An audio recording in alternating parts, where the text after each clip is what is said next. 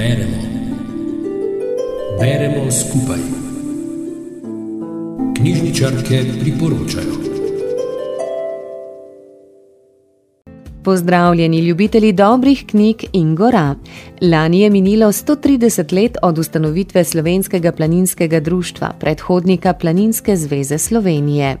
V knjigi Triglav je naš, njen avtor, raziskovalec planinske zgodovine Dušan Škodič, osvetljuje najzgodnejši razvoj planinstva in alpinizma pri nas od druge polovice 19. stoletja pa do konca Prve svetovne vojne.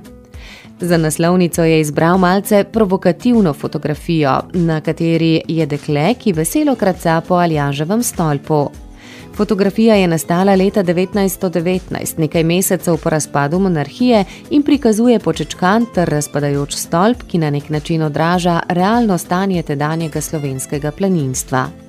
Uvod prične z Vandotovo zgodbo o Kekcu, ki bi lahko bila, tako avtor, prenesena zgodba mladega slovenskega planinskega društva. Meni, da je podobnost skoraj prevelika, da bi bila lahko povsem izmišljena.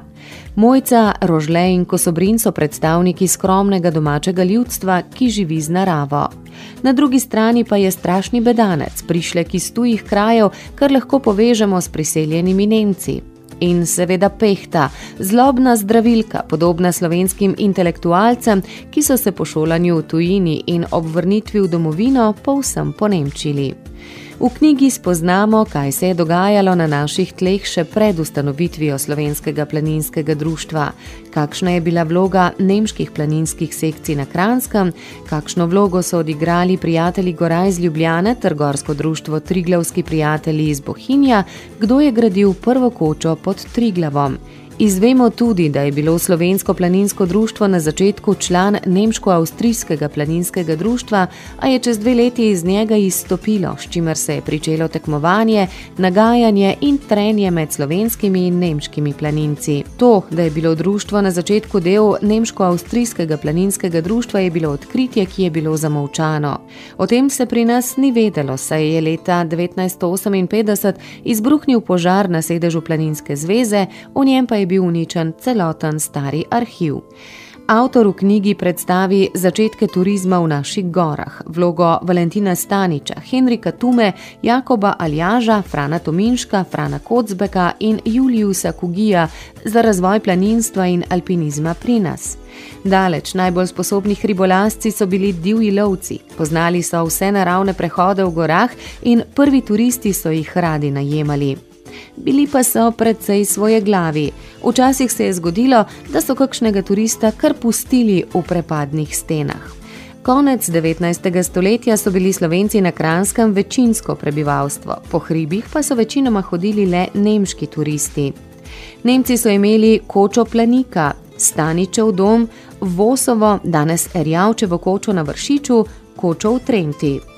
Prvo planinsko zavetišče je Slovensko planinsko društvo postavilo leta 1894 na planini Lisec pod Črnoprstjo, imenovali pa so ga po prvem načelniku društva Franu Orožnu. Dve leti kasneje je Jakob Aljaš postavil Aljažev stolp na vrhu Triglava in kmalo je sledila še Aljaževa koča na Kredarici. Zanimiv je tudi zapis velikopotezne Aljaževe želje glede železnice do Triglava.